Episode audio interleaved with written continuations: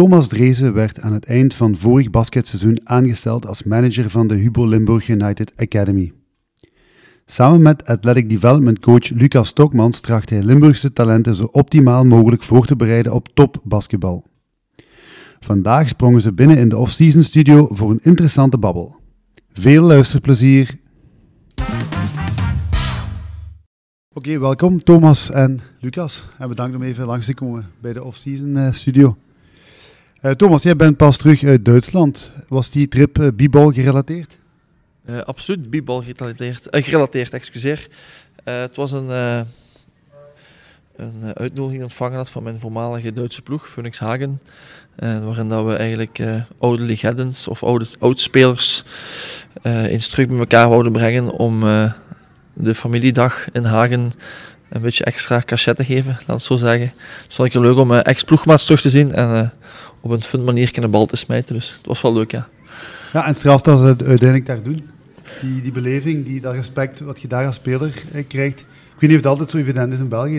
Nee, ik denk dat als je naar beleving kijkt, en ik denk als je basketbalvolger bent, dat uh, in de Belgische competitie en de Duitse competitie, dat dat niet te vergelijken is. Uh, ik spreek dan over uh, mijn tijd, toen ik tegen Cliff speelde, of ja, voor tegen Cliff, zaten we voor 15.000 mensen te spelen, uh, voor 10.000 mensen te spelen, 7.000 mensen te spelen. Hier is dat ja, 1500, 2000, dus dat is inderdaad een hele andere beleving. Veel strikter, veel professioneler. Maar dat is ook normaal met de budgetten dat die clubs spelen, is dat uh, peanuts, uh, of dan zijn wij peanuts ten opzichte van hen. Ja, maar wel chic dat ze, dat ze het in ieder geval doen. Lucas, u moet ik proficiat wensen in de eerste plaats met u afstuderen als master. Uh, is master in de bewegingswetenschap of hoe heet dat tegenwoordig? Ja, dus dat is inderdaad. Vroeger was dat sportkot.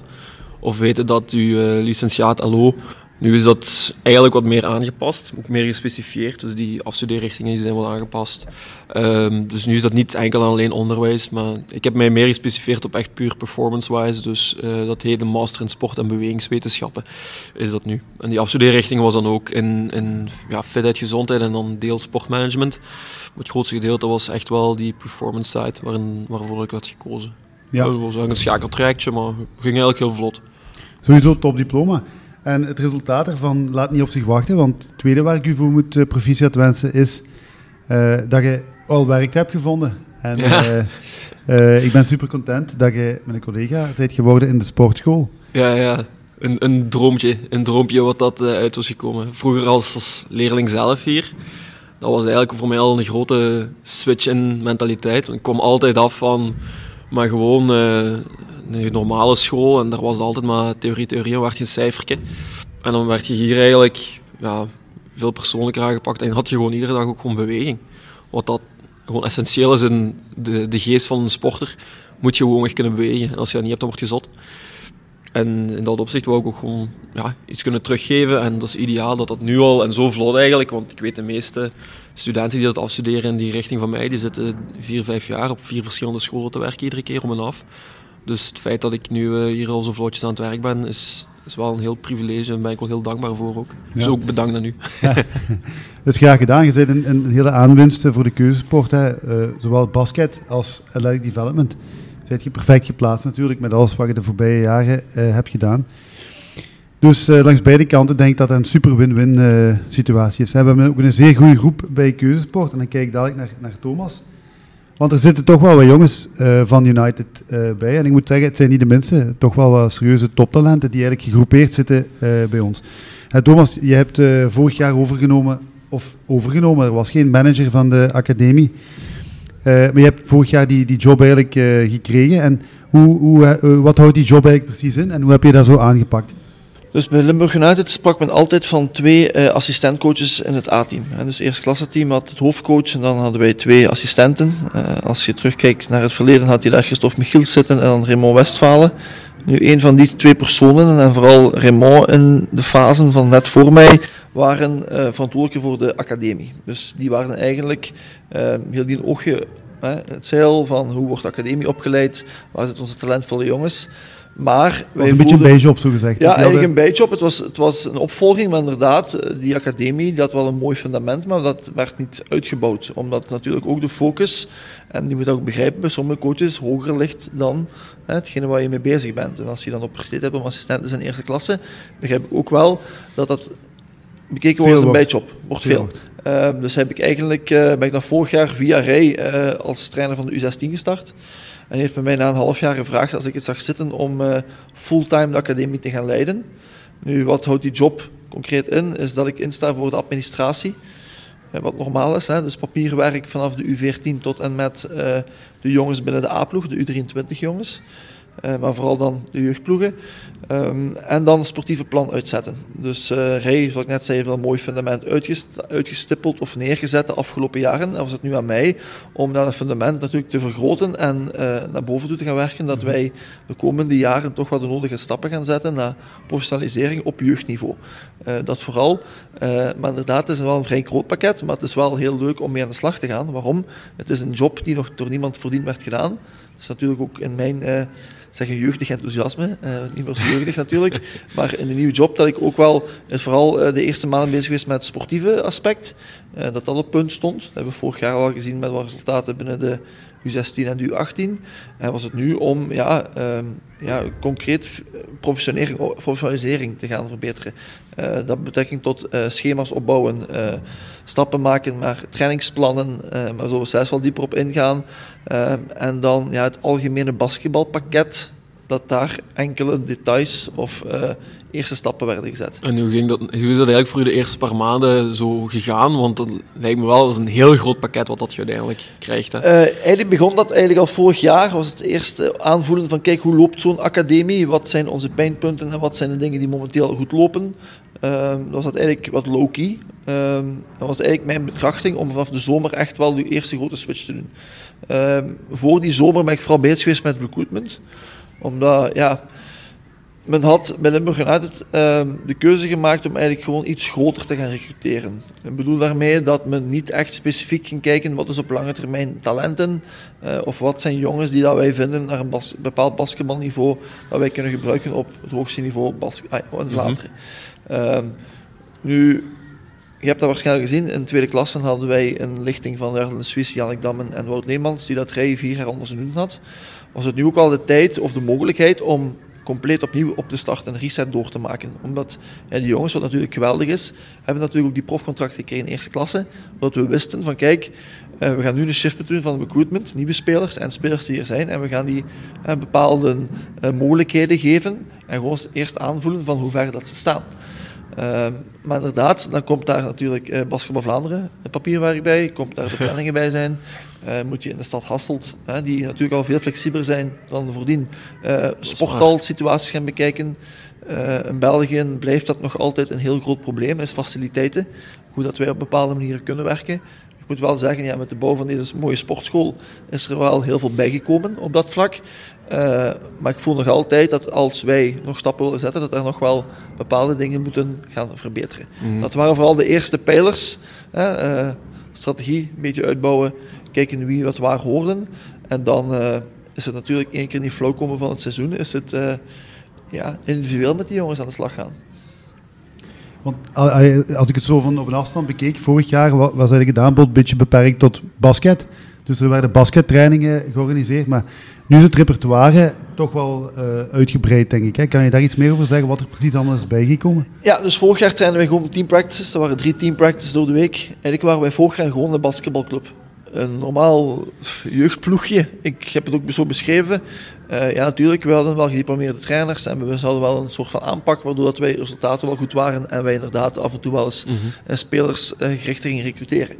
Uh, dit seizoen heb ik, of hebben we met de academie, hè, want wij, ik praat altijd in we, wij zijn een vrij grote groep, we hebben een jonge coachingteam met vijf coaches in, die alles onder elkaar bespreken ben misschien wel de manager, maar ik ben geen dictator en ik ga niet mijn wet opleggen. Ik ben iemand die vrij open-minded is op dat vlak en die ook heel veel input neemt. Ik ben zelf nog jongenscoach, dus het is niet de bedoeling dat ik dingen ga opleggen, want zo kan je ook niet werken. Want eindeffect, wij als academie moeten op lange termijn kunnen werken. Dat betekent dat je eigenlijk van iedereen wel een input moet krijgen en dat wij finaal een soort van structuur moeten neerzetten waar iedereen in gelooft. Als één iemand van onze uh, inner circle van de coaches daar niet mee akkoord gaat en die doet een andere manier van trainingen, gaan we binnen twee jaar een probleem hebben. Hè? Ja. Dus was de eerste aanpak van kijk, uh, we gaan een coach of een, een academy boek of een soort van manier van basketbal implementeren.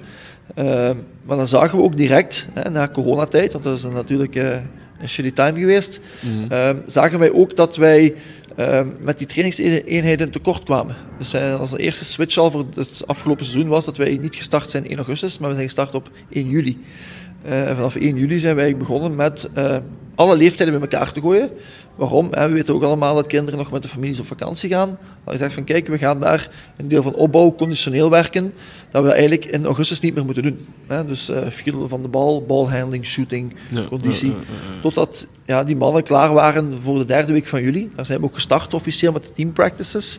Maar nog altijd met gemengde fases. Omdat er sommige jongens op vakantie waren, zijn we daar gaan zeggen van oké, we gaan onze eerste soort van uh, structuur wel laten zien aan de jongens, maar niet in detail. Hè. Dus er was er heel veel balhandling.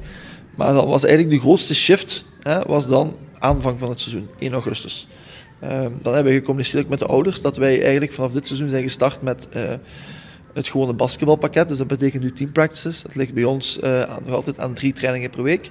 Maar daar kwam dan een eerste shift studiebegeleiding bij. Dus wat voor ons belangrijk is als topsportclub is en we weten dat hier, degene rond de tafel, ik weet dat iets te meer natuurlijk, topsportschool ook gedaan, dat uh, het niet betekent omdat je bij de U16 de topper bent, dat je vijf jaar later een profcontract hebt. Uh, ik heb het zelf meegemaakt met een zware blessure. Uh, als je been breekt, kan het snel gedaan zijn. En zou ik ook graag willen dat die jongens allemaal een diploma hebben, dat die nog verder kunnen in hun dagdagelijkse leven. Ja, dat staat ook in onze visie van dat wij jongens maatschappelijk ook willen verbeteren. Niet alleen maar op basketbalaspect, maar ook langs het veld. Hè. Gedragscode uh, en studie ligt daar ook heel kort bij, omdat we vinden dat de punten goed moeten zijn. zijn dus ietsje meer richting de Amerikaanse college mentaliteit om te zeggen van uw punten moeten ook in orde zijn. Is het daar waar je zo, is er zo'n bepaalde invloed, waar je zegt van daar heb ik eigenlijk ook een beetje de invloed gehaald om dit allemaal... Ah, wel, ik, ik, ken zelf, ik ben zelf al 17 jaar prof geworden en ik heb... Uh, hele leuke tijden meegemaakt, maar ik ken ook de complete weerzijde van de medaille. De kwetsures en... Kwetsures, uh, opvolging, uh, het leven als prof, uh, hoe je daarmee om moet gaan. En dat is omdat ik in sommige gevallen in topsport niet normen en waarden heb meegekregen die correct zouden moeten zijn. En dat is niet simpel, want wij zijn in topsport altijd heel grote ego's, die alleen maar aan hun eigen denken. En dat is ook. En die gaat niet denken wat belangrijk is op bepaalde vlakken buiten het basketbalveld dat is uh, hoe leef ik als een prof? Wat moet ik eten? Hoe moet ik slapen? Wat doe ik met mijn financiën? Uh, hoe ga ik met bepaalde dingen om? En dat begint eigenlijk met educatie van hoe gedraai ik mij als ik hier in deze lokale binnenkom? Uh, hoe ga ik om met bijvoorbeeld equipment managers in de club? En dat moet bij ons met bepaalde regels. Ik kan er een voorbeeldje stellen. Wij hebben de strike rule. Bij ons betekent dat drie strikes ben je geschorst van wedstrijd of een trainingsweek. Dus dat zijn bepaalde dingen, dat als iets niet gebeurt, krijg je van mij één strike, drie strikes, word je geschorst. Dat is simpel. Maar dat zijn wel dingen die wij willen meegeven. Uh, en daarin was dan studie voor mij heel belangrijk, hè, dat uh, jongeren bij ons de nodige punten moeten behalen. Hè. Dus daar is een persoon voor verantwoordelijk die op woensdagnamiddagen uh, hier met onze spelers de sportschool binnenkomt. en die gaat daarmee een structuur uitbouwen en werkpunten op school van lagere punten daarmee aan de slag. Merken wij dat dat niet lukt en die doet niet extra effort, dan zullen wij die ja, van een training weghouden.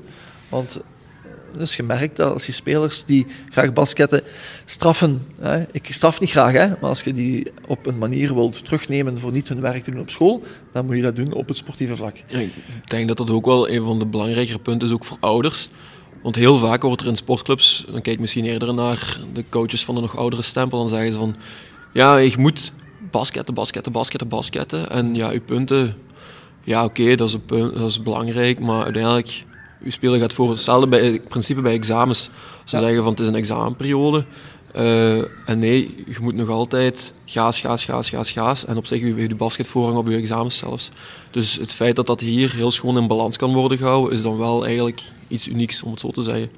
Ja. Ik denk ook een meerwaarde voor de ouders. Ik denk dat de ouders daar ook heel gelukkig mee zijn dat zij die taak thuis niet moeten opnemen, maar dat, dat uh, binnen de club dat de coaches daar ook achter staan. Uh, ik denk dat zij daar ook wel content uh, mee zijn. Absoluut. En dan was de tweede pijler die daarbij gekomen is, is natuurlijk het fysieke gedeelte. Hè. Dus wij wisten ook wel van, kijk, wij zitten in een opbouw naar topsport toe. Hè, daar moet dan, hè, Lucas kent dat natuurlijk meer van dan mij, is het opbouwen van het lichaam van de jonge topsporter. En dan zijn we inderdaad uh, even zoekende geweest en gesprekken gehad. En dan zijn we natuurlijk uh, tot de conclusie gekomen dat het voor ons de beste optie was, of de beste mogelijkheid was, na gesprekken om met off-season uh, ja, aan de slag te gaan. En dan vooral op lange termijn, maar daar zullen we het zelfs wel over hebben, was het voor ons belangrijk dat wij een bepaald aantal uh, trainingseenheden hadden door een week. ik heb net gezegd, faciliteiten in België is moeilijk. Dus ik kon niet uh, elke avond een sporthal krijgen. Dus moesten wij ook in, wat slimmer gaan nadenken over hoe kunnen wij op bepaalde uren of bepaalde dagen extra die jongens binnen onze academie hebben. Dus zoals woensdagen een, natuurlijk de perfecte mogelijkheid. Nu wat hebben we daarin dan beslist om dat iets beter te kaderen, dat mensen ook begrijpen. Um, hebben wij gevraagd aan de ouders van kijk, om half twee zouden wij graag de spelers hebben op de sportschool in Hasselt. De Go Next, uh, op de faciliteiten daar. Wij zullen daar vanaf één uur hebben wij hier altijd iemand die de kinderen zal opvangen. En vanaf half twee beginnen wij aan onze cycle of the day. Dat betekent dat we in drie blokken werken. We werken met uh, studie, we werken met basketbal en we werken met uh, core specific of krachttraining, hoe je het wil noemen. Uh, of het mhm. verbeteren van het lichaam ja, ja, Hè, voor, de, voor de jonge topsporters. Athletic development. Ja, athletic development, voilà, het woord dat ik aan het zoeken was. Uh, en daarin uh, hebben we dan gekeken van, kijk, we gaan per groep werken, omdat je kan niet een U14er, zit niet op hetzelfde programma als een U18er, maar zal Lucas zelfs wel specifieker mm uitleggen hoe we daar werken. Uh, hebben we gezegd van, kijk, we beginnen met bijvoorbeeld, ik zal de U14 even schetsen, die komen binnen om half twee, begint die een uh, eerste gedeelte, en dan gaan die direct naar coach Lucas, en dan gaan die werken op core exercises. Ja? Die doen dat maar een half uurtje, want op die licht, hè, leeftijd, dat zal hij zelf ook wat meer uitleggen, is dat nog niet prioriteit. Hè? Daar gaan we aan basis werken. Um, de U16'ers en de U18'ers zitten dan bij mij op dat moment in de studie. Ja? Om twee uur begint de U16. Ja, om twee uur gaat de U16 naar Lucas voor het programma. Die hebben een uur training daar. Dan komt de U14 terug bij mij binnen, de U18 zit bij mij. Ja? Dan is er weer een shift. En dan gaat u 18 een uur naar coach Lucas, komt de U16 terug binnen. En dan gaan die ook opnieuw in studiemodus, samen met de U14. Tot en met 4 uur. Ja.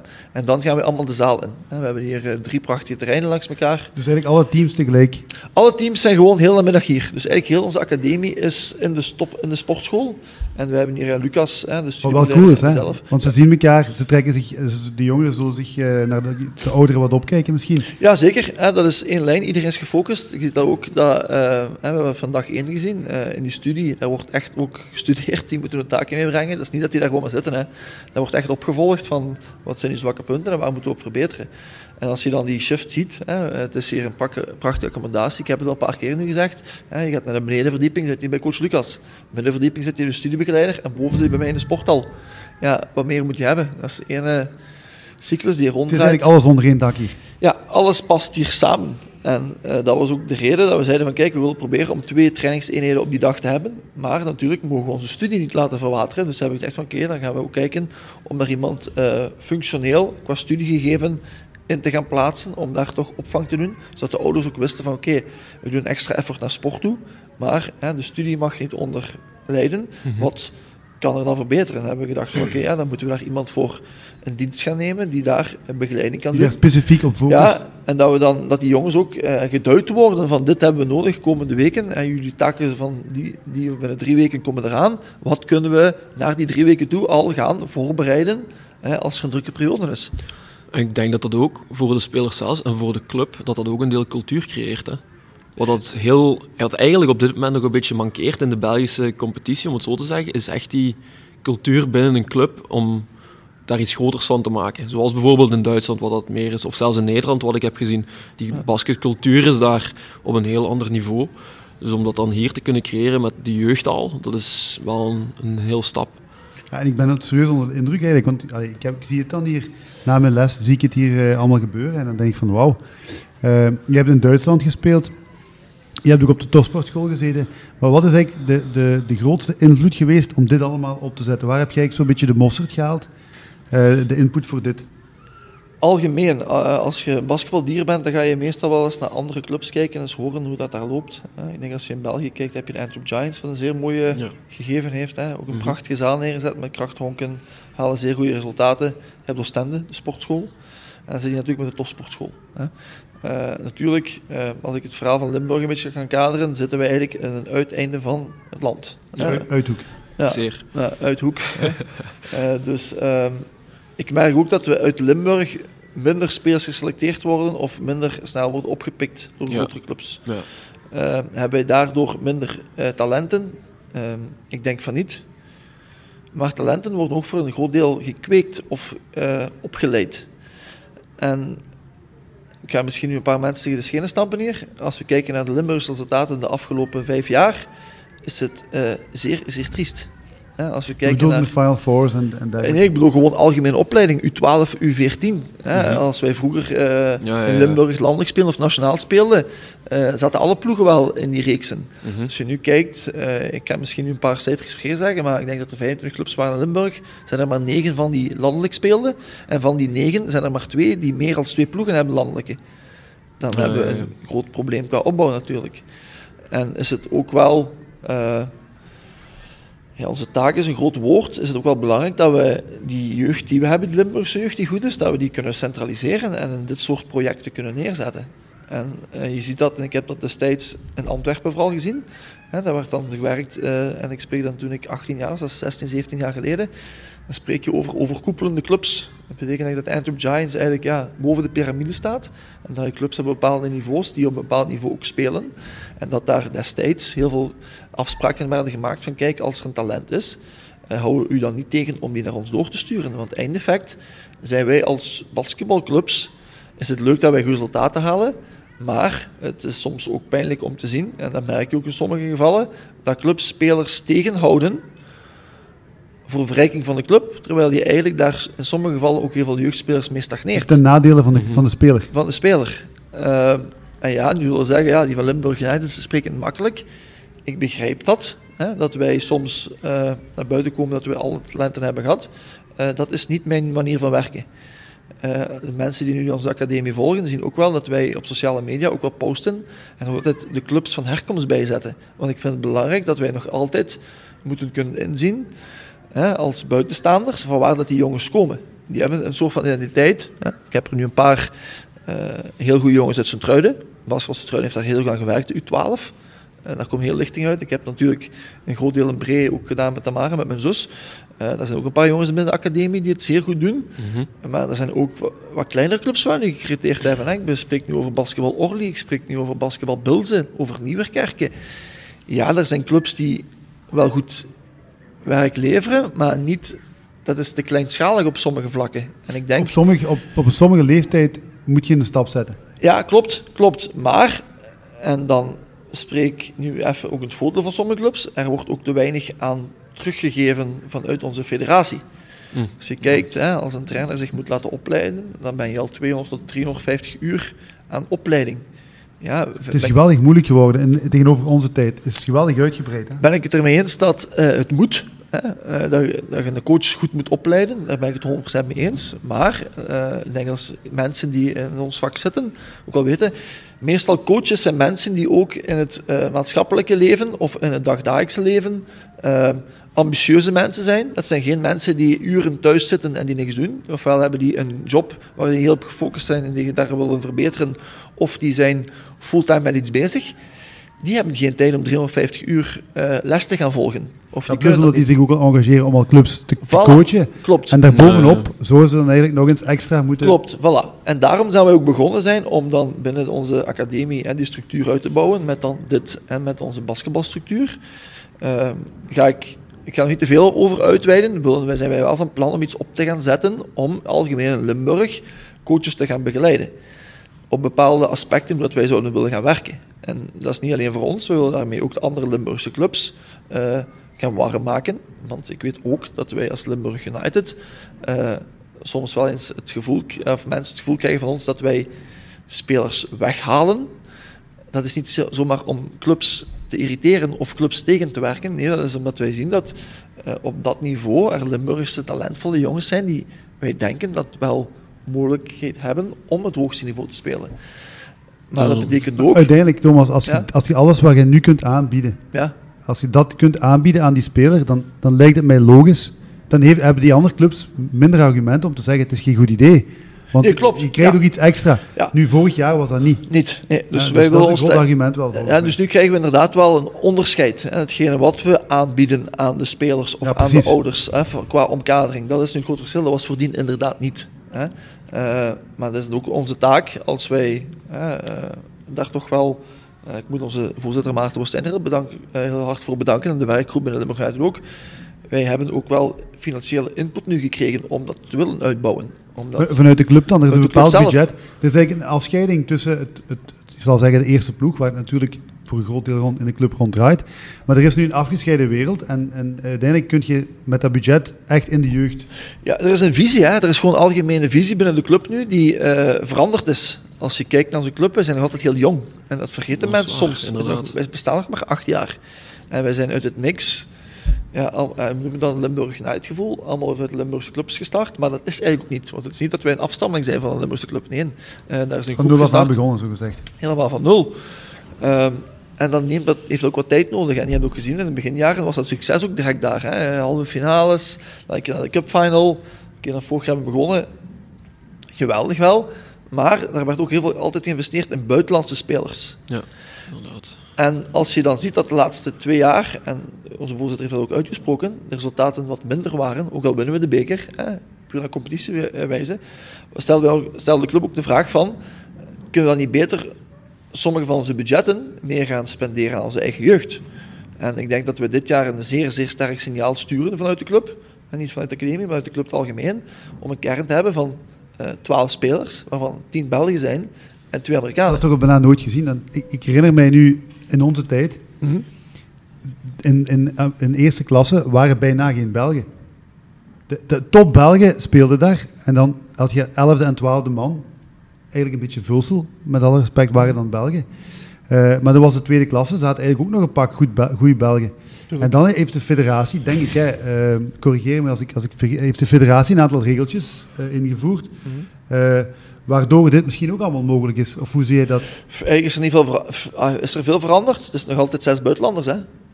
Als Ja, in onze tijd was er geen limiet. En ik weet dat bijvoorbeeld Bree, Charleroi... Eh, ik, in onze tijd was het zeven, zeven Amerikanen en vijf buitenlanders. Of en vijf Belgen. En toen hebben ze teruggeschakeld naar zes en zes. En dat is nog altijd zes en zes momenteel. Dus grote verandering is daar niet.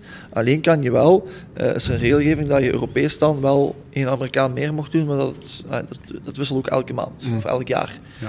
Nu, wij hebben dat doordacht gedaan. Hè? Ofwel investeer je eh, wel wat centen in een Amerikaan die uit een goede universiteit komt en die een rookie is en die eh, misschien voor jongeren na een tijd aanzien heeft. Ofwel, eh, zoals we nu gedaan hebben, investeren wij in Quentin Serron en investeer je in Maxime de Zeeuw. En ga je eigenlijk aan de slag met, ik heb het nu van de week gelezen, vijf academiespelers van de afgelopen jaren binnen onze A-kern. Die dat we eigenlijk op die manier willen gaan begeleiden. Ja, wij, ik denk, was het mij vroeger ook, ik had veel meer aanzien voor een Belgische topper die daar waar ik een goede conver- conversatie mee kon hebben, waar ik kon zien eh, hoe werkt die en in wat voor eh, ja, context werkt die of, of, hoe- of iemand is dat, dan ligt die graad van eh, communicatie en, Dat contact is- en, dat contact de- is veel vlotter. identificatie van de jonge speler. Voilà, dat is veel vlotter. En we vinden het ook mooi dat de club dat wil doen. Want dat zendt, stuurt ook een signaal uit naar onze academie. Extra nog een keer. Van kijk jongens, kijk, het is mogelijk. het- Ik denk er ook- is een mogelijkheid. En oké, eh, ja, je spreekt dan over de Zeeuw en. Ja, het zijn toppers, hè, Belgische toppers. Ik moet hier even, ik ga even afkloppen. Hopelijk blijven de resultaten ook goed en blijft iedereen ook fit. Maar het is wel een statement. En dat is een statement ook naar eh, de buitenwereld toe. Van kijk, wij Limburg United willen investeren in eigen jeugd. Limburgse jeugd Ja, zou ja. top zijn.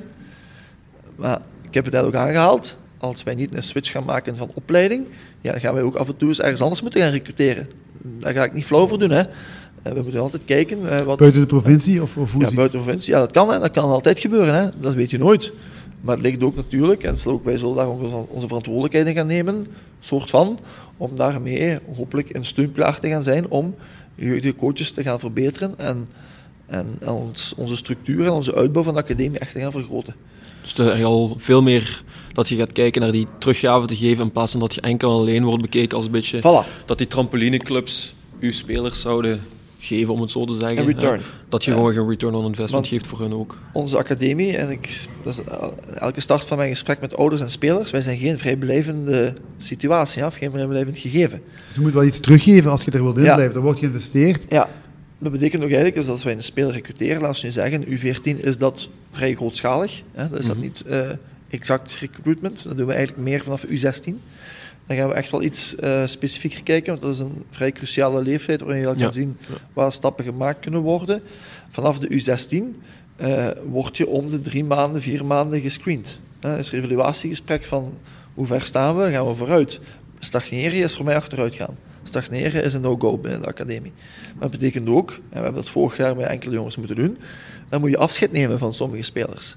En dat is ook de bedoeling dat we naar een, eh, een conversatie gaan met andere Limburgse clubs. En we hebben dat dit jaar bijvoorbeeld al met een club kunnen doen. Eh, dat wij jongens van onze academie die niet klaar zijn meer om de volgende stap te zetten op niveau 1, dat we die kunnen onderbrengen binnen andere Limburgse clubs. Maar dat zijn dan wel jongens die een soort van een correcte opleiding ontvangen hebben, Mhm. waar dat eigenlijk Die een meerwaarde gaan zijn. daar. meerwaarde kunnen zijn voor andere clubs op bijvoorbeeld niveau 2. Maar ook waarin dat je eigenlijk ook nog altijd die spelers in bescherming, in bescherming neemt om ze in het midden van het seizoen toch nog altijd te kunnen laten meespelen in een, in een Voilà. ploeg die al het kan. seizoen hè. bezig is. Maar natuurlijk ook op langere termijn, want die jongens worden ook 21, 22 jaar, gaan we eigenlijk beter opgeleide spelers ook kunnen voorzien aan Limburgse clubs op senior niveau. Ik spreek dan over clubs die een e- tweede landelijke spelen of een eerste landelijke spelen of een TDM 2 spelen. Ja, die gaan daar ook wel een profits uithalen. Omdat we dat niet alleen maar zeggen van hey, trek je plan, eh, we moeten het niet meer hebben. Nee, we willen echt wel een, een constructieve gesprek gaan met clubs. Van kijk, we hebben deze profielen, wat hebben jullie nodig en, en wat kan er eh, ja, van onze kant, wat kunnen wij voor jullie betekenen en wat hebben jullie nodig? Hè, dat werd Mhm. vroeger weinig gedaan. Dat is van, hey, doe maar. Ja, en, ja, eh, ja. en clubs, als die nodig hebben, ja, trek je plan. Nee, daar willen wij wel, laten we zeggen, bruggen terug gaan opbouwen naar Limburgse clubs toe. Dat we daar wel echt een, een partner in willen gaan zijn.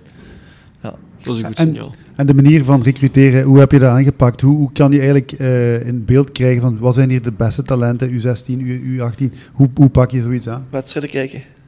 Ik zit gemiddeld per weekend, wat, kijk, vijf, zes wedstrijden. Tijdens de academiewedstrijden zal ik een groot deel er zijn. Van de vijf ploegen nu zal ik er zeker drie zien. Maar ik probeer elk weekend toch wel één extra van elk niveau eh, te gaan bekijken. En we gaan dat ook meer doen door eh, bijvoorbeeld talent days te organiseren, kampen te organiseren, te verspreiden van kijk, eh, heb je het gevoel van ik wil mij laten tonen, zijn ze altijd welkom. Een goed voorbeeld, eh, we hebben vorig jaar de talent gedaan, Thibaut Keunen is iemand U18 nu bij ons, is een jongen die van niveau 4 en niveau 3 uit Leopoldsburg komt. Ik had er nooit niet van gehoord, ik had er nooit niet gezien, ik ben er ook eerlijk in. Maar dat is omdat je ja, zo'n initiatieven wilt gaan organiseren. En iedereen mag daar ook komen. Hè? Als, als ik de message mag uitsturen naar iedereen. Als jij jezelf wil laten zien aan Limburg United, of je wil jezelf laten zien, of jij zegt van ik heb er de mentaliteit voor of de werkethiek, eh be my guest. Hè? Alsjeblieft, kom af. Hè? Ik heb nog mailtjes gehad eh, dit jaar van kinderen die mij persoonlijk een mail sturen en vragen van mag ik bij u eens komen trainen op een kamp of op een workout? Graag. Als jij de guts hebt om bij mij te komen vragen eh, voor een training, alsjeblieft, ik nodig u uit. Ja, want dat is al een aanwijzing dat die mentaliteit toch al, al goed zit. Als ze echt durven de stap zetten van kijk, Zeker. ik wil, ik wil kijken wat ik kan doen. Maar ik, wij gaan dat dan ook niet zeggen van nee, ik mocht niet komen. Wij gaan dan opbouwen ook wat dingen meegeven. Ik heb twee jongens gehad die ik dan die nog een mailtje gestuurd heb van kijk, dit zijn de werk, die, of werkaspecten waar we moeten aan gaan werken. En misschien zie ik jou volgend jaar terug op een van de kampen. Ik kan nog altijd zien. Maar ik heb net gezegd, wij zijn geen vrijblijvende situatie. En wij moeten ook wel kijken wat op lange termijn de investering van onze club het ook Rendeert. waard is en Rendeert. om die jongens naar het hoogste niveau te brengen. Ik, ik herinner mij vroeger, Thomas, eh, dat, je, dat je vaak kwam trainen bij Jan in, de, in het off-season dan. Klopt. Ehm, wat, wat is volgens jou het, het belang van die athletic development? Laten we nu even focussen op die, wat is het belang van de athletic development over de jaren heen, zo, van de jeugdspeler, maar ook in, op senior niveau? Ik denk dat het gewoon de evolutie van het basketbal te maken heeft. Hè. Als je kijkt naar het basketbal, hedendaagse basketbal is superatletisch. Hè. Ik denk als ik nu zou moeten spelen, dat ik ook niet eh, bij de superatletische was. Maar dat was vroeger ook in mindere mate nodig. Eh, als je nu kijkt, ze springen allemaal uit de zaal, ze zijn superatleten, ze zijn Dus supersnel. zelfs over hoeveel jaar spreken we nu? Dat, Ja, ik spreek nu van 2012. Oké, ik was een van de... Ik was, ik was, geen, ik was meer een houten Klaas. Je moet niet flauw voor doen. Maar, Ja, je maar ziet wel je ziet wel een evolutie. Hè? Je ziet een enorme evolutie. Als ik nu naar tweede klas en derde klasse ga ook, ja, die jongens kunnen zijn atleten.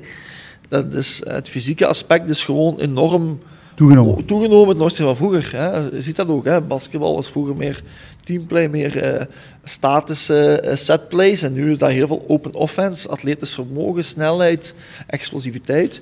En eh, ik denk dat die inderdaad athletic development, gegeven een gigantisch grote factor is nu in de hedendaagse basketbal. Als je op dat vlak niet investeert, ga je niet mee kunnen. Dat is zo. Ja, en uiteindelijk de, de echte grote talenten die dat van hun eigen hebben. Neem nu, ik weet Hans van Wijn in de tijd. Die was 18, 19. Mhm. Die toen al in de eerste klasse kon, Ja. kon meedoen. Nog geen topper was op dat ogenblik. Maar dat is toch weinig gegeven. Hè? Dus er gaan toch wat jaren over eer je lichaam eigenlijk klaar is om daar eigenlijk... Ja, ja, dat is iets wat meer Lucas gaat kunnen beantwoorden. Hè? Want ik heb het hem ook over gehad met de U14'ers en de U16'ers. Hoe ver kunnen we daarin gaan? Wat, wat kunnen we daarin opbouwen? Ja, ja, ja. Dat is meer specifiek natuurlijk. Hè? Ik denk het profiel van Hans was eh, 2 meter en 6, super mager. En die heeft dan een blessure gehad en die heeft dan heel hard aan, zijn, aan de kracht gewerkt. Dat is, dat, is, een- dat is een beest geworden. Hè? Maar eh, ik heb mijn eigen ook. Ik heb dat ook moeten doen, stap voor stap. En daarom dat de implementatie van off-season voor ons heel belangrijk was. Omdat dat iets is eh, wat gewoon er nu bij hoort. Mhm. En, eh, dus En vooral iets- tijd, daar gaat tijden over natuurlijk. ja, hè. Als je- voilà. Want hè, Lucas weet het ook, in season, als je door het seizoen bezig bent met de profs, is dat natuurlijk heel belangrijk. Bij jeugdspelers is dat wat minder. Is dat niet zo cruciaal. Maar voor mij destijds ook, ik kon bepaalde dingen eh, door een seizoen niet doen, die ik door een, een off-season Omdat je fris moest zijn, je moest presteren. Ja, voilà. En je kunt je ja, ja, lichaam, ja. ah, als je een bepaalde ritme zit van shooting of, of van je wedstrijdritme, ja, dan gaat je niet zeggen van ik ga een keer mijn borst 3 centimeter groter maken op eh, drie of vier maanden tijd. Dat gaat niet. Mhm. En dan zijn die off-seasons, hè, jullie hebben er perfect een naam voor, is het off-season het perfecte moment om aan je lichaam te verbeteren. Ja, want je gaat ook merken door het seizoen, eh, ik ben wat stijver in mijn rug. Hè. Waarom zijn mijn spieren soms wat strammer daar? Ja, dan gaan Jan en Lucas eh, meer op detail gaan Om dat, te vermijden, om dat te vermijden, de, de tekens die je krijgt doorheen het seizoen, kun je dan eigenlijk daaraan werken. Opbouwen, opbouwen en kijken waar dat jij nog extra Je kunt durability verbeteren. zo'n beetje, dat je Voilà. altijd ho- 100% kunt trainen en dat je fitter en, en gezonder En daarom dat we ook die partnership hebben aangedaan op lange termijn. Hè. We hebben dat ook al besproken. Van, kijk, die academie, we zijn daar nu mee bezig door, door de week en door het seizoen. Maar het is ook de bedoeling dat wij in de zomer eh, die individuele programma's gewoon gaan doortrekken. Hè. En dat wij opnieuw in juli beginnen. Dat die jongens vier weken rust krijgen in juni, wat ook normaal is, of drie weken Ja, dus ja, nodig ja. hebben. En dat ze dan terug direct in dat programma zitten. En dat dat een heel jaar door in dezelfde flow zit. En dat we daar specifiek trainingen kunnen gaan voorzien. Hè? Want ik spreek nu net over woensdag en middagen. En we hebben ook een groep op maandagavonden van jongens dat wij denken van oké, die zijn die hebben dat nodig. Hè? Intrinsiek lichaam, eh 14 jaar gedaan pijpers bijvoorbeeld van Stevoort. Ja, lichamelijk nog niet helemaal in orde, hè? heel slungelig. Maar als je die op niveau 1 zet of op een bepaald niveau, ja, dan krijg je heel veel impact. Willen we ook maken dat hij geen blessures krijgt. Hè? Knieblessures of uit balans, rug blokkeren. Daarom Dus je gaat daar ook differentiëren. Kijk, die speler heeft dat extra nodig. Die gaan we, da- dus dat is ook geen teamgegeven dan. Nee, nee, dus alle programma's hè, en ook onze, onze structuur van basketbal, visie basketbal is heel individueel. Vanaf de U18 of eerste landelijke gaan wij pas echt een teamconcept trainen. Voor is allemaal heel individueel. Hè. Eh, bij mij de U14 en U16, U18 zelfs ook, iedereen moet op elke positie uit de voeten kunnen. Oké, we hebben in Limburg heel weinig lengte. Hè. Buiten een paar op eh, een paar eh, Ja, ja, ja, ja. locaties. Hè. Maar eh, er zijn er heel weinig. En dan moeten wij iedereen op die posities hebben. Hè? Want je kan niet eh, sommige jongens gaan zeggen van hey, jij moet mij op de vier gaan spelen. Mhm. Terwijl die daar nadien geen toekomst in hebben. Maar dat zijn stappen natuurlijk die wij de komende jaren moeten maken. Hè? Ik kan nu niet gaan zeggen van oké, eh, ik kan niet in één keer mannen van 2 meter en 10 en 2 meter en 5 eh, gaan vinden. Dat Nee, is niet zo je simpel. niet hoed hè. over. Dus je moet wel de bigger picture bekijken. En vooral individueel. Ja. Maar ik zal er misschien in één keer eens even over Ja. inpikken, over heel, hoe dat de hele opzet eigenlijk is voor de eh, Academy. Want inderdaad, als je het vergelijkt met een, een eerste klasse ploeg, heb ik ook heel fel gemerkt, dat contrast eh, is waarbij dat je heel fel bij de eerste klasse, daar je heel veel op maintenance. Dat is gewoon echt zorgen dat die spelers gezond blijven. Hier en daar kun je eens proberen om wat percentages te winnen bij de spelers die een overgang maken van B-ploeg naar A-ploeg, omdat er nog jonge gasten zijn. Die hebben nog heel veel groeimarge fysiek. Maar voor de rest was dat heel veel maintenance. Gewoon gezond houden, gezond houden, gezond houden. Ehm, waar je nog altijd op kunt werken op een aantal zaken, hè, daar niet van. Eh, maar dat was veel minder echt puur die Uit- groei. Niet uitbouwen. Het was niet echt uitbouwen tijdens Nee, het was, het was minder uitbouwen. Het was iets minder uitbouwen. En nu, eh, nu met de jeugd merk je dat heel fel. Dat is natuurlijk ook, je krijgt er veel hoger return van, om het zo te zeggen. Puur wat dat ze kunnen winnen. Omdat die marge veel hoger ligt. Die zitten echt in een, in een groeispurten. Die zitten vlot in die adolescentiefase. Eh, dus dat is ideaal om daarmee op te bouwen. Hoe dat we het dan eh, individueel een beetje differentiëren.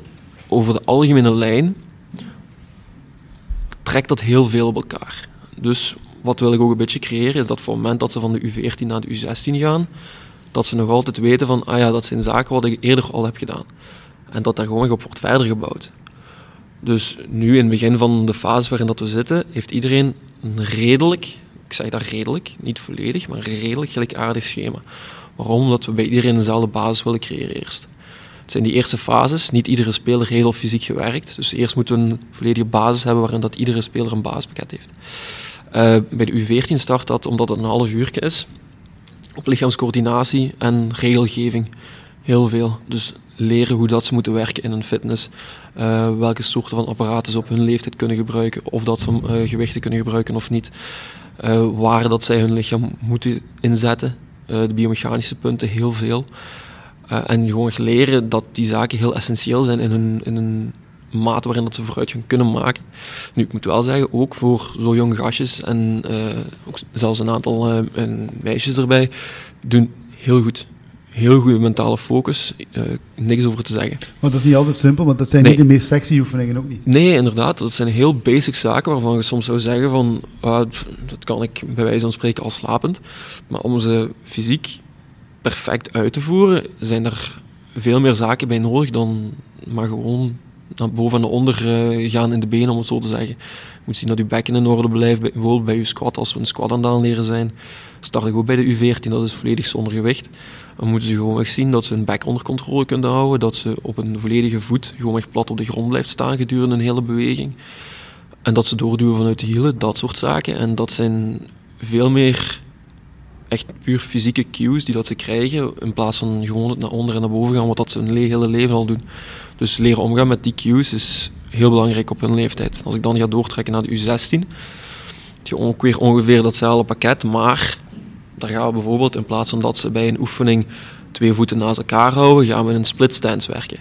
Dus daar heb je het aspect van balans wat veel meer komt kijken. Dus één voet voor, één voet achter. Dus we maken dat evenwichtsvlak veel moeilijker, veel kleiner. En daar merk je ook, omdat die jongens vol in hun puberteit zitten, die hebben heel veel wisselende lichaamsafmetingen. Dus de ene maand groeien die drie centimeter bij, bij wijze van spreken, en zijn hun armen weer een halve centimeter gegroeid. Dus moeten die eigenlijk weer bijna van voren af aan beginnen, iedere keer als ze een beweging zouden moeten doen, als ze dat soort zaken niet onderhouden. Wat dus heel moeilijk maakt om een fysieke groei te creëren voor een puber. Omdat, omdat het lichaam constant verandert. Het lichaam verandert continu.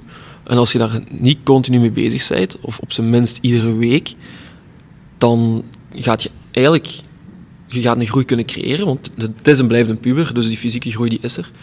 Maar het lichaam gaat zichzelf ook tegenwerken. Of het brein kan ook niet volgen om dat lichaam te blijven volgen. En op deze manier kunnen we dat blijven continu aanscherpen, aanscherpen, aanscherpen. En kun je in één keer groei maken. Waardoor die jongens eigenlijk al zeker een aantal jaren winnen in feite van hun fysieke prestaties. Waar dit ze eigenlijk wel veel sneller aan een uh, fysieke top gaan bereiken en ook langer kunnen aanhouden, ook nog wat heel belangrijk is. En dan U18 verwachten we eigenlijk na de eerste week had ik eigenlijk al een verwachtingspatroon dat die zaken die ik hun aan had geleerd, dat het er ook in moest zitten. Dus dat is niet meer puur alleen handje vasthouden. Je weet ondertussen wat dat je moet doen. Je hebt een bepaalde leeftijd. En dan moet je ook individueel verder kunnen. Ook wat ik ook meegeef aan iedere speler, startend van U14 tot U18, is dat ze uiteindelijk zelf moeten weten hoe dat ze moeten trainen. Dus het is niet gewoon dat ik die rol van... Dus mentaliteit is ook natuurlijk Mentaliteit is heel, heel erg belangrijk. Alle niet belangrijker in uh, de fitnesszaal. Omdat je moet leren hoe dat je individueel moet werken. Op een correcte wijze, zonder dat je kunt vlammen, vlammen, vlammen gelijk op het basketbalterrein. Daar is echt controle over beweging houden, een gecontroleerde tijden. Focus. Met rustperiodes. Concentratie, focus, dat je het juist uitvoert. Alles schop en gaan. En dat zijn zaken, automatisering, wat dat er ook heel fel in uh, belangrijk in is. En die lijn die wordt doorgetrokken van de U14 tot de U18. In feite, ze krijgen hun schema. De eerste paar weken overloop ik natuurlijk iedere oefening opnieuw, opnieuw, opnieuw, opnieuw, opnieuw, totdat dat er volledig in zit. Maar vanaf een bepaalde periode, ik zeg nu maand, anderhalf maand, moeten ze individueel gaan werken. Dus, ik ben nog altijd aanwezig, ik stuur continu bij, maar we zijn niet meer iedereen die, die tegelijkertijd naar onder gaat in zijn squat en terug naar boven komt. Dus dat puur als één team zijnde, als één motie bewegen, dat wordt er op dat vlak. Je bent nog altijd als een team aan het trainen. Je werkt nog altijd per twee bijvoorbeeld voor je oefeningen te alterneren. Dus er is nog altijd een teamvibe. Maar de spelers leren veel meer om individueel te werken op een correcte wijze. Dus die maturiteit die komt er ook veel beter in. En dat is bij die U18 primeert dat heel fel. Om echt te zeggen van kijk jongens, bepaalde leeftijd, leer individueel te werken. Ook om daarbuitenuit uw zaken af te handelen correct. En dat is ook weer die cultuur wat we willen creëren daarin. En focussen ook, om even terug op het fysieke te komen, bij de U18 focussen dan echt wel op die pure fysieke opbouw. Dus die zaken rond coördinatie, lichaamscoördinatie, dat moet er wel redelijk al goed in zitten. Ehm, bij de meeste jongens zeker, omdat als je een, realistisch gezien in de U18 van de Academy zit van Limburg United, dan heb je een bepaalde coördinatie. Dan heb je een bepaald lichaamstalent om je lichaam aan te voelen. Mhm. Dus dat gaat allemaal heel vlot. En dan is het gewoon weg de wijze voor dat zo snel mogelijk op te bouwen in alle veilige situaties. Dus ook weer starten met veiligheid rond sprongkracht, maar ook die remmingsfases, landing. Ehm, al die zaken daar rond. En zo is dat een beetje opgebouwd in zijn, in zijn totaliteit. Ja, het is veel. De meeste mensen denken als ze aan krachttraining denken, denken van ja, we gaan naar de basic fit. Of iets Maar allee, we hebben met off-season toch een aantal coaches, uh, uh, dus ja, met Jan Adriaans begonnen uiteraard. En dan mhm. Lucas die daar de laatste drie, vier jaar ook geweldige stappen. Hè. Dat is een geweldige meerwaarde dat hij ook die basketachtergrond heeft en ook weet wat er op basketterrein uh, verwacht wordt. En dat is ook niet altijd, ik denk in uw tijd, heb je ooit zo iemand gehad bij de club die die, die, die know-how, en dan spreek ik over eerste klas, top eerste klasse niveau, die, die, die know-how eigenlijk op die kon brengen eigenlijk. Je mocht eerlijk zijn. Belgisch niveau staat ongezien, of wordt dat weinig gedaan? Dat wordt ook niet... Dat is ook een investering natuurlijk. Dat is een grote investering en ik denk dat de Belgische clubs meer investeren in dan de algemene kinesist. En ja. Uh, ja, maar dat is niet hetzelfde. budget, dat is niet hetzelfde. Dat is niet, niet hetzelfde. Maar inderdaad, de budgetten in België liggen niet al te hoog. Dus dat zijn dingen waar je inderdaad moet, keuzes moet maken van wat ga ik investeren. Dat klopt. Uh, en, dat is, en terug te komen, ja, dan zie je ook dat, hè, we hebben het over, straks over structuur, van hoe een topsporter moet leven. Als je de rails van Lucas opvolgt, en van kijk, dit verwachten we van ons, we, werken, we verwachten een soort van werkpatroon, of hetgeen dat je zelf individueel gaat werken, dat is net hetzelfde bij ons. Hè. Wij teachen eigenlijk die jongens ook maatschappelijk leven, stel voor dat ze moeten gaan werken, dat je tak, tak, tak, u op tijd zijn, op tijd zijn alles uitvoert correct. Dat je, naar de... ja, dat je uh, zelf kritisch bent voor eigen. Is het goed genoeg, is het niet goed genoeg? Uh, gaan we vooruit, gaan we niet vooruit, blijven hangen? Wat kunnen we daaraan veranderen? Uh, open communicatie naar de trainers toe. op een correcte en respectvolle manier een vragen durven stellen. dat zijn allemaal opbouwende dingen die niet alleen met basketbal te maken hebben, maar ook verder in het leven kunnen ja. leiden tot goede ontwikkeling van, van goede spelers. Hè. Ja. want vaak zie je topbasketters die dan daarna een andere carrière opbouwen en daar ook het ver in brengen. En de, de goede spelers zie je daar ook meestal excelleren. Ja. ja. en dat heeft dus ook met mentaliteit uh, te maken. En ik ben daar heel streng in. Hè. Ik, zeg, ik zeg altijd, uh, de sluis, de stroper is nu de beste boswachter. Hè. Ja, uh, ja. Maar, ja. Je kent ze voor jezelf. Ja. ja, maar ja, ik was vroeger... Ik ga je niet naar verhalen, ik ga je geen verhalen vragen. Nee, maar ik was vroeger ook nee, op dat vlak uh, de kantjes ervan aflopen. Omdat je ook die achtergrond niet hebt gekregen die je nu zelf nee, nee, ik heb, dat, dat niet mee, ik heb dat niet geteacht gekregen. Ik heb er straks ook gezegd, als je dat niet geteacht gekregen krijgt, dan dat is bij u, of dat, dat zijn bij mij geen uh, regels of geen normen en waarden is naar topsport toe, ja, mm -hmm. dan is dat ook geen gewoonte dat je creëert. Of dat het je... is ook normaal dat je dat dan niet inziet, nee, het belang nee, ervan. Nee, voilà. als je het belang er niet van inziet, gaat je het niet doen. Hè? Klopt, en dat is hetgene waarom dat we daar nu zoveel aandacht aan schenken en dat we dat tot in de puntjes in orde willen hebben. Ja. Maar ik denk dat we super fier zijn bij off-season dat we daar een rol in uh, mogen spelen. Ja, en ik denk dat het voor ons ook een winsituatie is, omdat je ook de goede spelers en de mensen, de, eigenlijk worden ze al een beetje geschift. Ja. En eigenlijk de, de, betere spelers, als je daarmee kunt werken, dat is voor ons natuurlijk het droomverhaal. Bij Tuurlijk, ja, ja, ja, ja, niet meer als dat. Dat is, dat is eigenlijk een ideale situatie waarin dat je je dan bevindt. En niet alleen maar omdat je met van die goede spelers kunt werken, maar ja, het, zijn, het zijn niet alleen getalenteerde spelers fysiek, het, mentaal zijn het gasten die heel fel een drive hebben.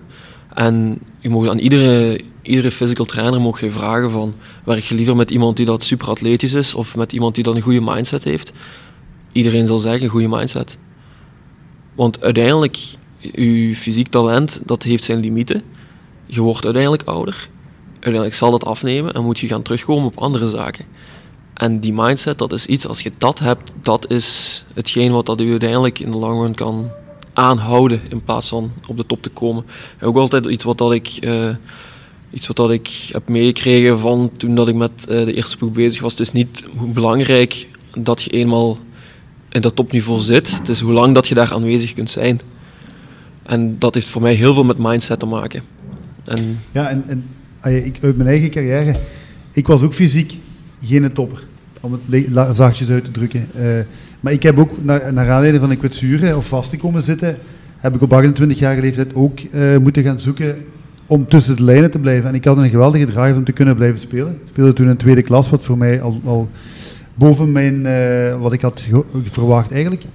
Uh, en ik heb gemerkt dat je zelfs 28, 30, ik denk dat ik op 32 jaar veel beter was dan toen ik 25 was, puur lichamelijk.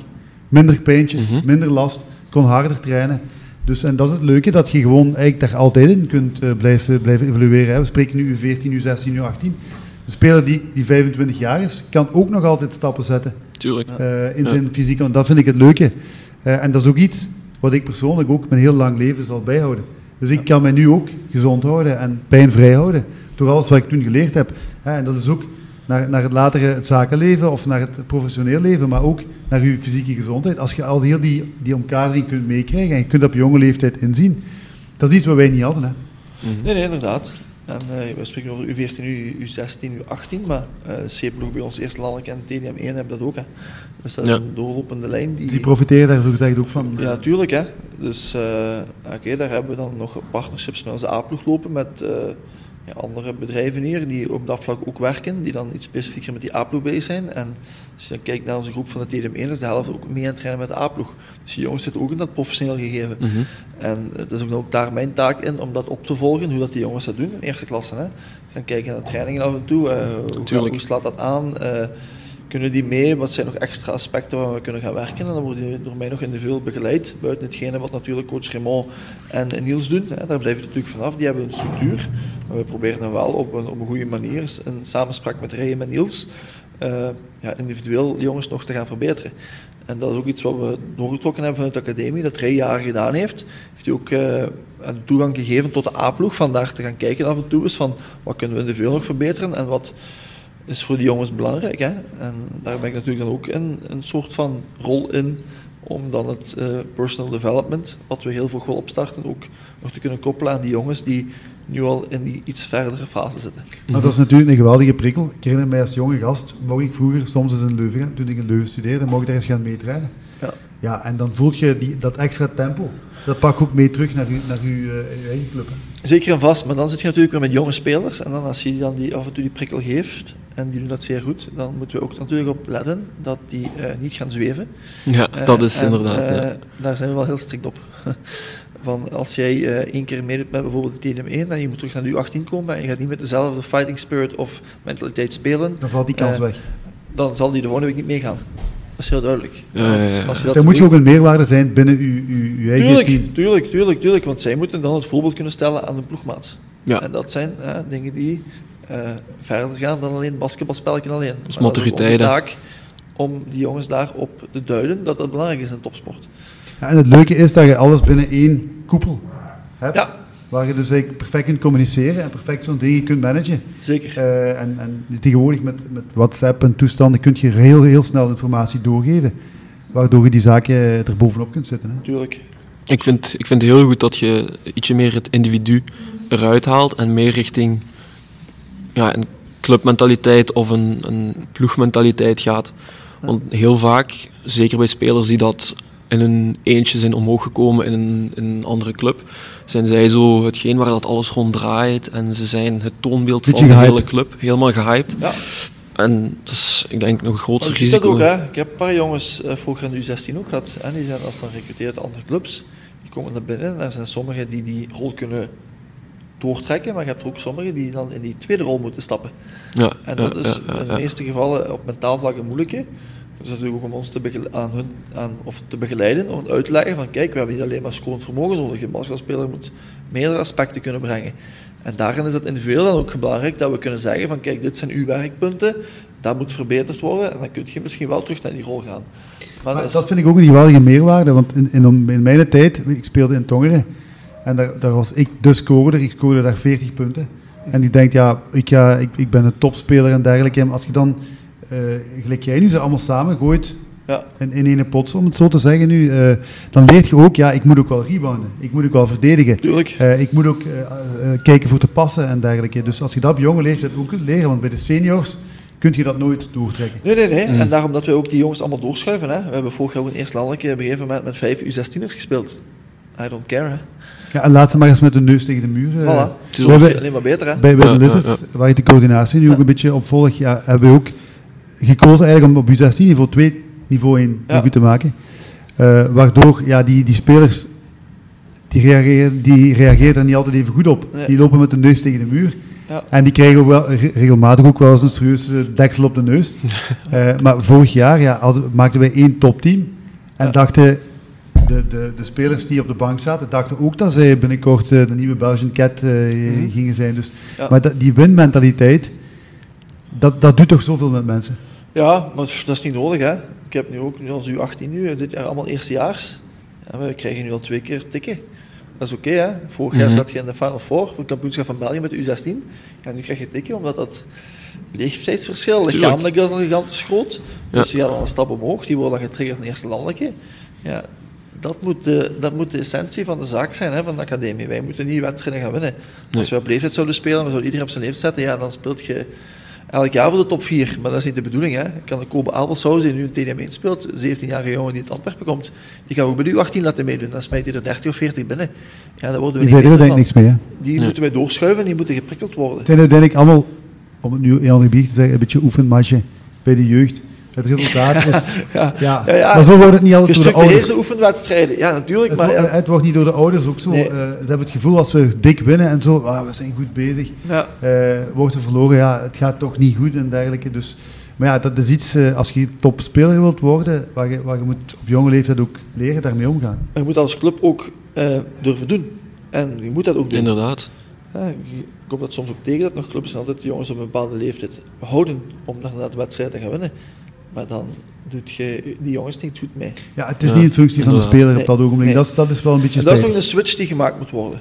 Mm -hmm. In mijn ogen, hè. Uh, het is te veel op korte termijn nog. Ja, ik denk niet dat wij hier in onze provincie, misschien kan ik weer tegen de schenen stappen, maar het is zo, als je een eerste landelijke speelt of je speelt een tweede landelijke, uh, moet je niet gaan denken om al het jaar kampioen te gaan spelen en spelers vanuit overal verschillende plekken te gaan halen. Dat heeft geen zin. Dat heeft op lange termijn geen waarde. Mm -hmm. Je gaat me niet zeggen dat je op drie jaar tijd van vierde, van vierde in de eerste klasse gaat staan. Uh, als je dan eens één uitzonderlijk talent hebt, of je hebt er nu 18 bijvoorbeeld drie toptalenten zitten, ja, die, die, die drie toptalenten, ga je dan echt bijhouden voor een eerste landelijke of een derde klasse te gaan spelen? Of ga je zeggen, hè, we gaan dat uh, met een bepaalde club samenwerken en we willen die jongens dan stap voor stap toch naar het allerhoogste persoonlijke doel voor hun brengen, in plaats van het clubgevoel. Hè, want, allez, daar is dan de grote discussie natuurlijk. Ja. Ja, ja, Want als ze op een goede manier kunnen vertrekken, kunnen ze ook misschien terugkomen later als ze dan toch niet die eerste klasse. Ja, ja. ja maar wij krijgen dan de stempel dat wij ze willen weghalen om ze bij ons te hebben, dat wij dan resultaten kunnen behalen. Ja, daar gaat het om ons in feite niet extreem over op de leeftijd. Het gaat er om over dat wij die binnen de drie tot vier jaar op het hoogste niveau voor hun kunnen brengen niet voor U18 de beste ploeg te hebben of eerst landelijke de beste ploeg te hebben. Nee, het gaat erom dat die binnen drie, vier jaar een tweede klasse topseizoen hebben en dat die het jaar daarna een profcontract kunnen tekenen. als we kijken naar, ik kan het profiel nu even schetsen, dan wordt Leemans, die is gestart bij U18. Dan heeft hij na de twee jaar heeft tweede landelijke gedaan, dan heeft hij eerst landelijke tweede klasse gedaan. Nu gaat hij weer een jaar uh, tweede klasse doen en heeft nu eerst stappen gedaan in de eerste ploeg. Ja, dat zijn de manieren wat wij willen werken. En er is nog heel veel aan het groeien hè, op dit moment. Heel Wout is, Wout is heel sterk bezig hè, op dit moment. de A-ploeg, Jan de Droog, eh, Jan de Swiss, Verre van de Rooidonk, ja. uh, Jannik Damme, Wout Leemans, ben ik er nog in vergeten. Ja, dat zijn allemaal jongens die opgeleid zijn in die academie. Oké, okay, sommigen maar drie jaar, sommigen vijf jaar, sommigen zes jaar. En dat is ook omdat hij een continuïteit kunt brengen met een Limburgse coach. Tuurlijk. Die daar jarenlang in ja, ja. en die die jongens kent ook. Voilà. Laat je een buitenlander binnen uh, die, die ja, de, de, de situatie niet kent, nee. die gaat eerder kiezen voor een goedkope Bosnier of een goedkope... Uh... Kan hè, dat kan.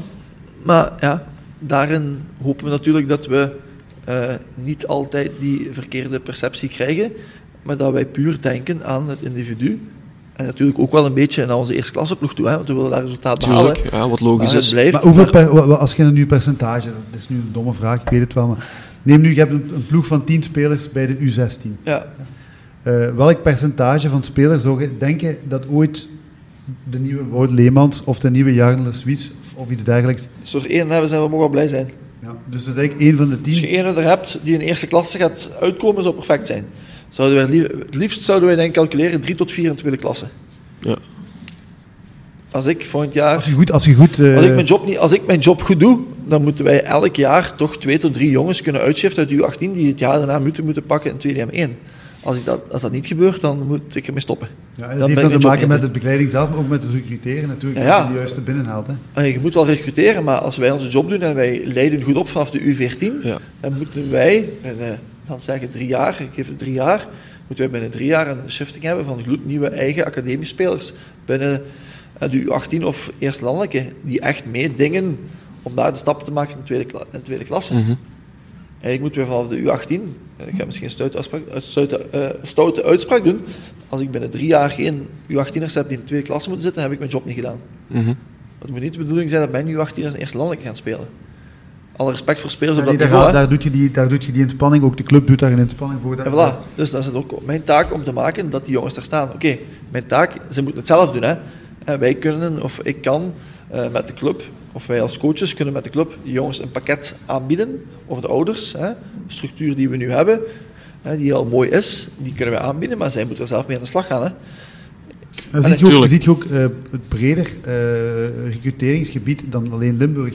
Want uiteindelijk, dit staat er nu, vorig jaar stond het er niet. Ja, Hè, dus het, het, het- als, als het nu exposed wordt, zal ik zeggen, wat er gaande is, zou er dan ook eventueel mensen die van verder komen, of van Wallonië, of ik weet niet waar. ik zou, ik zou het hier gewoon zeggen, hè, als ik nu de gesprekken kijk met spelers van buiten Limburg, die dat wij aangaan met toptalenten, die bijvoorbeeld al bij de Antwerp Giants zitten, of die zitten in Oostende, of die zitten bij Falco Gent, en je gaat daar de gesprekken aan, eh, zijn we nu in de mix met Oostende en Antwerpen om spelers te kunnen aantrekken. Mhm. Dus het zijn, het zijn Dat eigenlijk die twee die, die eigenlijk op dat niveau zitten. Ja, er zijn er twee ploegen die overal bovenuit steken. Hè. Je hebt Oostende die landstitels wint en die hebben ook een zeer goede jeugdopleiding. Eigen basketbalschool. Je hebt dan de Antwerp Giants. Ja, die zijn ook gekend jaren. Ik kom zelf ook uit die school.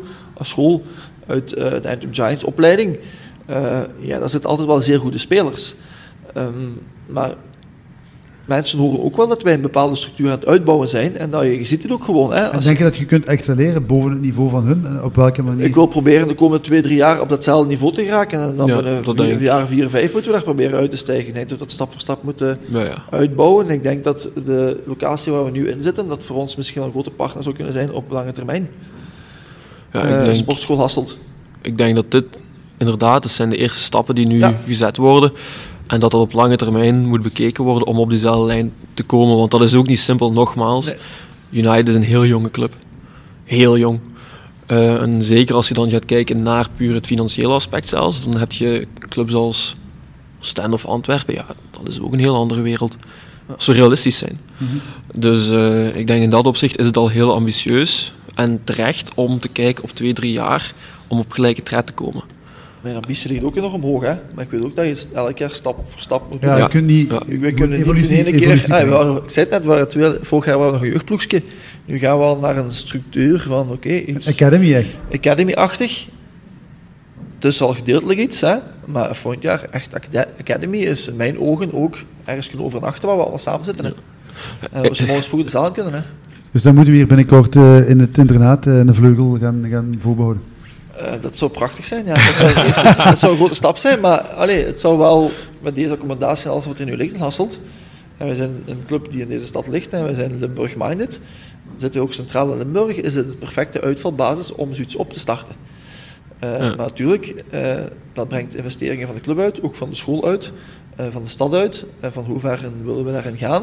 Ja. En, en wat is er natuurlijk mogelijk? Hè? Eh, ik weet ook dat we allemaal afhangen van sponsoren en van mensen die Tuurlijk. investeren daarin. Tuurlijk. Eh, momenteel zitten wij daarin goed, maar En ook het geloof natuurlijk. Hè. Het, is, Mhm. het is niet alleen om geld, maar mensen moeten ook beseffen dat dit goed is. ja, ik- als mensen bovenuit niet erin geloven, dan zou ik ook niet zitten vandaag als academiemanager en daarmee fulltime mee bezig kunnen zijn. Dus dat is, ook een zo. visie hè, Is ook met zo. jonge, jonge ondernemers, met goede ondernemers die, eh hè, like, eh, Maarten de Bossijn van Isola, Tom Heren, Hubo.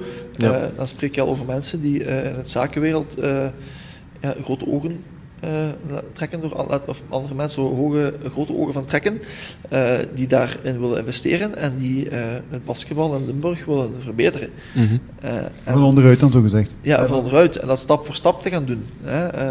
Ja, ik denk, ik denk op dat vlak dat de club een beetje dezelfde mentaliteit moet hebben als een speler van de Academy. Zijn ambitieus, maar met de voetjes op de grond. Ja. En niet te veel verwachten. En, en... Nee, nee. En, en belangrijk in die groei is ook de Limburgse community. En we weten dat, daar, dat uh, we daar nog uh, ook van ons uit stappen moeten in maken. En ook return mogen gaan geven aan Limburgse clubs. En zodra dat, dat uh, hopelijk op goede weg komt, en dat is ook een van mijn taken zijn, ik denk ook wel dat als die community groter wordt en er is meer Limburg feel, dat dat gegeven groter kan worden dan wij misschien wel eens kunnen verwachten. Dat weet je niet, hè? Ja, ja.